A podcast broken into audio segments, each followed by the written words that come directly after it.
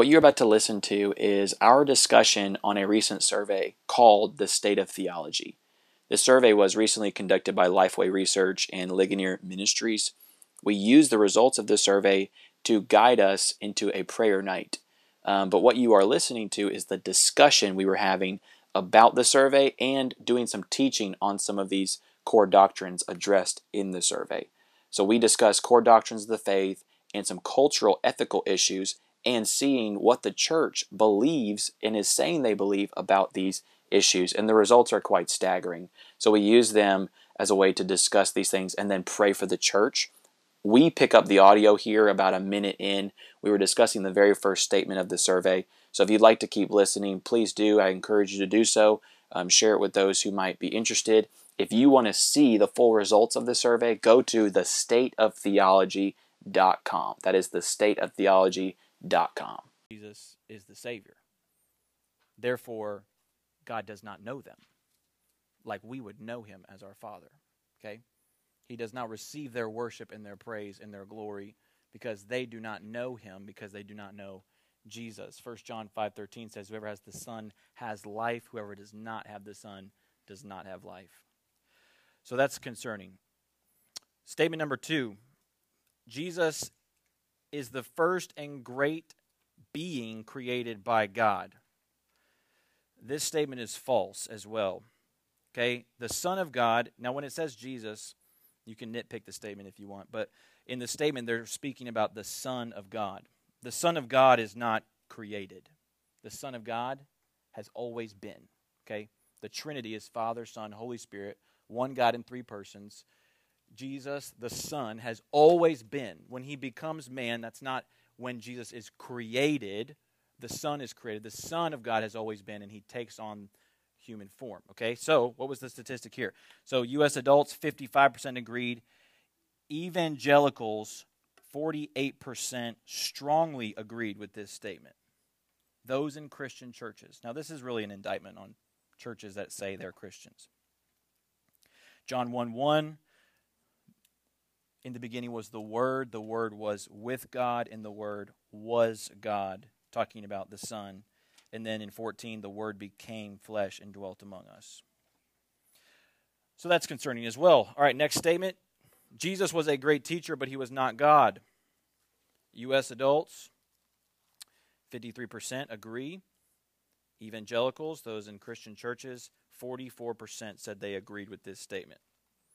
Now, this is this is mind-boggling, right? Because these people are in Christian churches saying these things.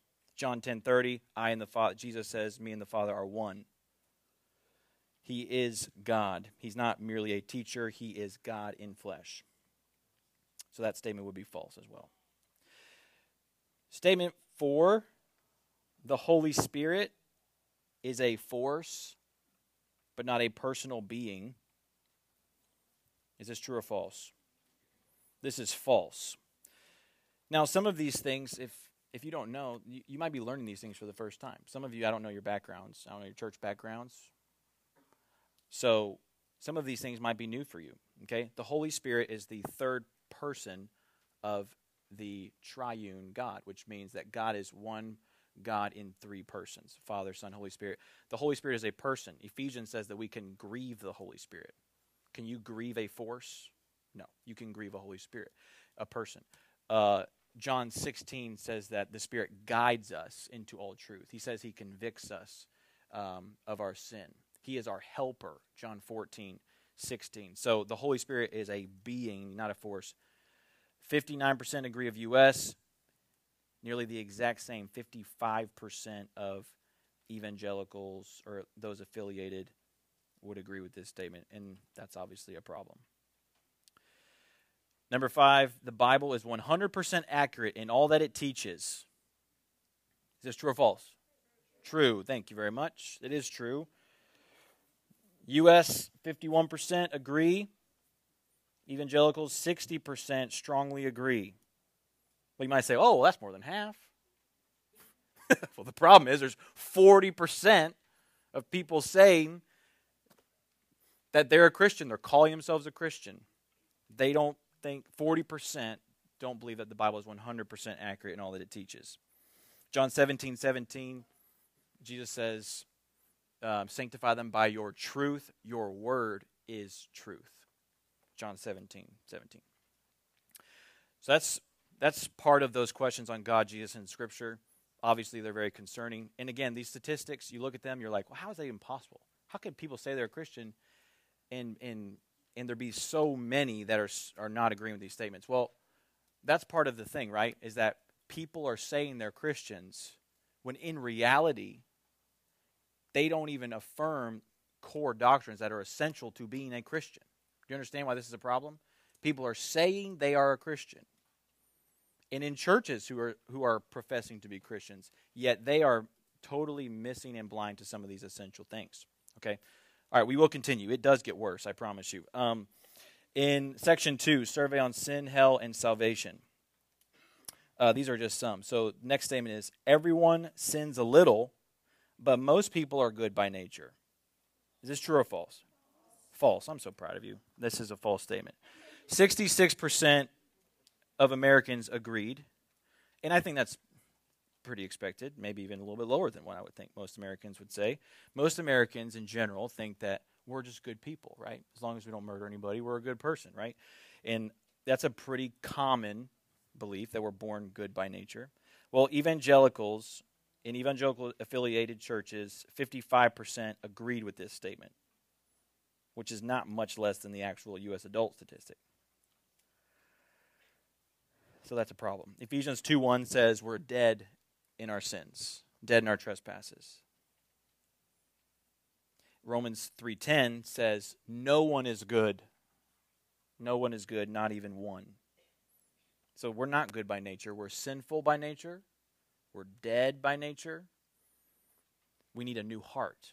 We need to become a new creation. That's why 2 Corinthians 5 says you need to become a new creation. You don't just need to go from bad to good, you need to go from death to life, right? Through Jesus. Next statement even the smallest sin deserves eternal damnation. Even the smallest sin deserves eternal damnation. Is this true or false? True. You guys are rolling. Yes, U.S. adults, 69% disagreed with this statement, which I think is expected. They don't think the smallest sin would deserve eternal damnation. What would evangelicals say? 53% disagree with this statement, which means that the majority of them think that small sins don't deserve punishment. Now, what's the big problem with this? The big problem with this is our view of God. God is holy, He is infinitely just, right, and loving. And when you rebel, even in the what we would consider the smallest way, against a perfect, loving, holy God, you've committed an offense against an infinite God who loves you and is perfect, and therefore the crime is infinite. The punish must be infinite. Okay? James 2:10 says, um, if you break the law at one point, you are guilty of breaking all of the law. Titus uh, 3 5. Oh, Titus 3 5 is for another section. Titus 3 5 is a great verse. I didn't mean to have it right there, but that's about being saved by faith, not by works. Um, yes, even the smallest sins, yes, absolutely deserve eternal punishment, damnation in hell. That leads us to the next statement. Hell is a real place where certain people will be punished forever. True or false? True. Um, and maybe you're here and you're very fuzzy or you're doubting the existence of an actual physical hell where people are punished for sin. And the Bible is very clear, and Jesus is very clear on the reality of hell as a real place of torment for people who reject God's free offer of salvation through Jesus Christ. It's not that people it's it's not that God is just sending people there people choose actively to go there because they choose to reject Jesus Christ. That makes sense? They may not they may not understand it that way, but people will reject Jesus and they deserve punishment for sin. And you might think that's too harsh, but the reality is all of us deserve hell. Every single one of us in this room deserves hell. And the fact that Christ gives us salvation is an amazing act and gift of mercy. Right? Because we've committed sin against a holy God. All right. Did I say the statistic for that? 59% agree, 64% strongly agreed. Okay, you might think, yay, over half, two thirds. Well, the problem is there's still a whole third that don't believe hell is a real place.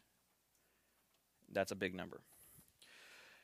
Uh, next statement Only those who trust in Jesus Christ as their Savior receive the free gift of eternal salvation. Okay, so now let's pause here. Can you be a Christian and disagree with that statement? Literally, that is the definition of being a Christian, right? Those who trust in Jesus as their Savior receive God's free gift of salvation. Only 66% strongly agree that this was true. And they're in a Christian church, supposedly, professing the Bible, professing Christ as Savior, 66%, which means you got a whole third who are considering themselves to be a Christian and are not. Romans 6:23. What does Romans 6:23 say? Romans 6:23 says the wages of sin is death, but the free gift of God is eternal life through Christ Jesus our Lord. So yeah, that statement is true and we've got a problem there. All right. So again, I'm just reading you these. Um, we'll we'll just we're just using them to pray. You know, it's not it's not like we can really do anything with these statistics other than just feel the weight of a couple of things. One, it's an indictment on churches that are saying they're Christians, Christian churches, and they're not either preaching truth or or we've got a lot of b- people calling themselves Christians who are just are not are not believers. And that's that's those two cases are both very true bad churches not preaching truth. Flip it over, section three Christian life and ethical issues. All right, last five statements, and then we'll break up into our prayer groups. Worshipping alone or with one's family is a valid replacement for regularly attending church. True or false? False. I would hope you would say it's false. Um, only 56% of evangelicals agree that this is um, a false statement. So um, the problem is that's almost half of people saying that they, they can just worship at home. It's the same thing. Hebrews 10 24 and 25 says, Do not neglect to meet together. Do not neglect as a church to meet together, as is the habit of some, but gather together all the more as you see the day drawing near, encouraging each other and stirring one another up to love and good works. Okay? So do not neglect to gather together. It is a command of Scripture for what we do on Sunday morning to gather together. Online church is an oxymoron in itself. Do you understand what I'm saying? The statement online church is an oxymoron statement. Church means assembly. Can you assemble if you watch on a screen? No. If you're sick laying home in bed with COVID, it's nice to be able to watch your church on a screen, sure, but it's not a replacement, right? Not a replacement. Church, by its very nature, is the gathered body of believers. The gathering is the church. It's not the building. These walls are not church. That building over there is not a church. We are a church. We are the church. You see what I'm saying? And we're only the church by being together. We have to assemble, we have to gather. Very, very important that you get that. Next statement sex outside of traditional marriage is a sin. True or false? True. There is one word in the Bible that categorizes sex outside of the boundary between one man and one woman for life. There's one word that encapsulates all of that. It's called sexual immorality. That's what the Bible uses. Sexual immorality. And that and then there's a lot of sins listed under that category. Homosexuality is one of those. Heterosexual relationships that are not married, where there's sexual intimacy happening, is a sin. Cohabitation, where people live together before they are married, is a sin. Having sex, sleeping with someone before you are married, which is nearly expected in our culture today, is sin because it is outside the boundary of God's good design for sexual intimacy, which is in the confines of marriage. Did you know that sex is good and it is God's idea? Did you know that?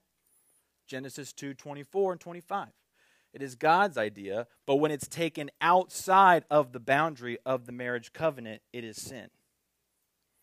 It's like this fire in a fireplace is good, right? But when fire gets out of the fireplace, it burns the house to the ground. Not good. That's the illustration for God's design for sex. In the fireplace, where it was designed to be, the whole house is warmed and it's fulfilling its God given design and it's a good thing. If it gets outside the chimney, house burns to the ground. And that we would call sexual immorality. Haven't even said this statistic yet. It doesn't really matter what the world says because it's expected that most of them do not believe it's a sin. Evangelicals, 56% strongly agree with this statement, which means we can more likely say only 56% agree with this statement, meaning nearly half of people calling themselves Christians believe that it is okay to have sexual intimacy or activity outside the confines of marriage between one man and one woman for life. 1 Corinthians 6:18 says flee sexual morality. There is no other sin that affects the body like sexual morality. Genesis 2 24 and 25. The man shall leave his father and mother, hold fast to his wife, and the two shall become one flesh. Abortion is a sin. That's the next statement. Abortion is a sin. True or false? Only 54% strongly agreed. Evangelicals. So nearly half are saying that abortion is not a sin. Now, let's just, one of the reasons we're doing this is to make sure we're clear. Everybody in the room is clear about some of these things, okay? The baby in the womb is a person at the moment of conception, is a person at the moment of conception. Psalm 139 is very clear about this that the Lord knitted us in our mother's womb, that we are fearfully and wonderfully made. He knit us together in the inner parts of your mother's womb and you are a person at the moment you are conceived. Therefore, for nine months, you are a person. Therefore, to kill the person in the womb is what? Murder, which is breaking one of the Ten Commandments. And Genesis 9 6 says that if we kill someone made in the image of God, it's murder. So it's a sin. So, therefore, for to be a Christian and to advocate for murder of a person who cannot speak for themselves, the little baby in the womb, is a sin. So it's pretty devastating that nearly half of people calling themselves Christians in this survey would not say that they would strongly agree with that statement. Next statement gender identity is a matter of choice. True or false? False. Yes, false. We do not choose our gender. Gender is given to us by God. You are either male or female. God made you that way. You're either male or female. This is obviously extremely prevalent in our world. I would recommend you all read a book called God and the Transgender Debate by Andrew Walker. It's a little book. You can read it. Um, it's in our church library, in fact, if you'd like to go rent it. God and the Transgender Debate. How to think through transgender issues as a Christian and be compassionate towards those who wrestle with that. Um, God gives you your gender, you're either male or female. No matter how many hormone blockers you take, no matter what surgery you go through, people go through, you cannot change the gender that God gave you. You, you cannot. You can change whatever pronoun you want. You cannot change the gender that God gave you. And you guys see this at your schools. You see it when you go to pl- businesses. You see it in commercials, you see it on your phone. It's everywhere, right? This is the world you live in. 32% of evangelicals agreed that gender identity was a matter of choice. One third of people saying they are a Christian also says that your gender is choice. Genesis 1 26 and 27. We are made in the image of God. Let us make man in our image. Let us create them male and female. So that's concerning, right? One third of people saying that they are a Christian agreeing that gender identity is a matter of choice. Next, last statement. The Bible's condemnation of homosexual, homosexual behavior doesn't apply today. True or false? False. False. Uh, U.S. adults in, in this survey, 46% said that, uh, which means uh, that over half think that they do. The Bible does apply in some way. 25% of Christians, self identified Christians, agreed with this statement that it doesn't apply today, and obviously this is false. This is a false statement. The Bible's condemnation of homosexuality is very clear. It's in the Old Testament and in the New Testament. It's called an abomination in Leviticus. Um, and then in 1 Corinthians 6 9, it says, Men who practice homosexuality will not inherit the kingdom of God. Doesn't get much clearer than that. Romans 1 26 and 27 calls it um, a sin and an error that God gives them over to. They're doing things contrary to nature, and God gives them over to a debased mind to this error, sin. Uh, it's very prevalent throughout Scripture. There's other verses too that talk about this. And yeah, it still does apply today. It applies to all people everywhere. That God has given us a design. Again, it goes back to what is the design for for man and woman, for marriage and for sex. It is in the confines of marriage between one man and one woman for life, period. And anything outside of that is a sin and you might wonder, well, why? If you're in here and, you, and you've not thought through this before, you might think, well, why is it a sin? What if the love is genuine? Well, it doesn't matter how they feel about one another. The reality is, it's a broken desire because it's against God's design for marriage and it's against God's design for sexual relationship. And God has set up his design a specific way because the design of marriage between one man and one woman is actually designed to point you to the gospel of which man and woman display. So when you mess up God's design for marriage between one man and one woman, you've distorted the picture of the gospel. That's why it's so important. Ephesians 5 says it is a profound mystery because the man leads like Christ leads the church, and the wife submits to the husband like the church, the people of God submit to Christ. So if you if you mess up that picture with man, man, or woman, woman, you have distorted the picture of the gospel. Do you see? Because the gospel was planned first, and then marriage was created to display the gospel, not the other way around. It wasn't that marriage was cre- created and it was like, oh, this is going to be a really good illustration for the gospel. No, no, this was always the design. Marriage was designed to display Christ in the church. And we cannot mess with God's design or rebel against it. All right, now, I give you all these because now it's going to affect how we pray. Okay? So you have about 20 minutes here to pray. Um, these are kind of weighty statistics, but it's going to help us pray for the church um, and pray for each other. So, what I want you to do right now, listen very carefully. If you've never done this before, I want you to split up into groups of around three to six. Three to six. Try to keep it in that ballpark. Listen to me carefully. No one sits alone. Guys, listen. Listen up. No one should be alone. If you see someone that doesn't have a group, please bring them into your group. All right? It can be they can be mixed guys and girls. They can be mixed grades. It doesn't matter. Uh, groups of about three to six go ahead and get in your groups. You have, oh, wait, hold on. You have everything you need to pray right here. All right, so I'm going to unleash you. I want you to walk through discussion and pray and pray, and discussion and pray, and then discussion and pray, pray. All right?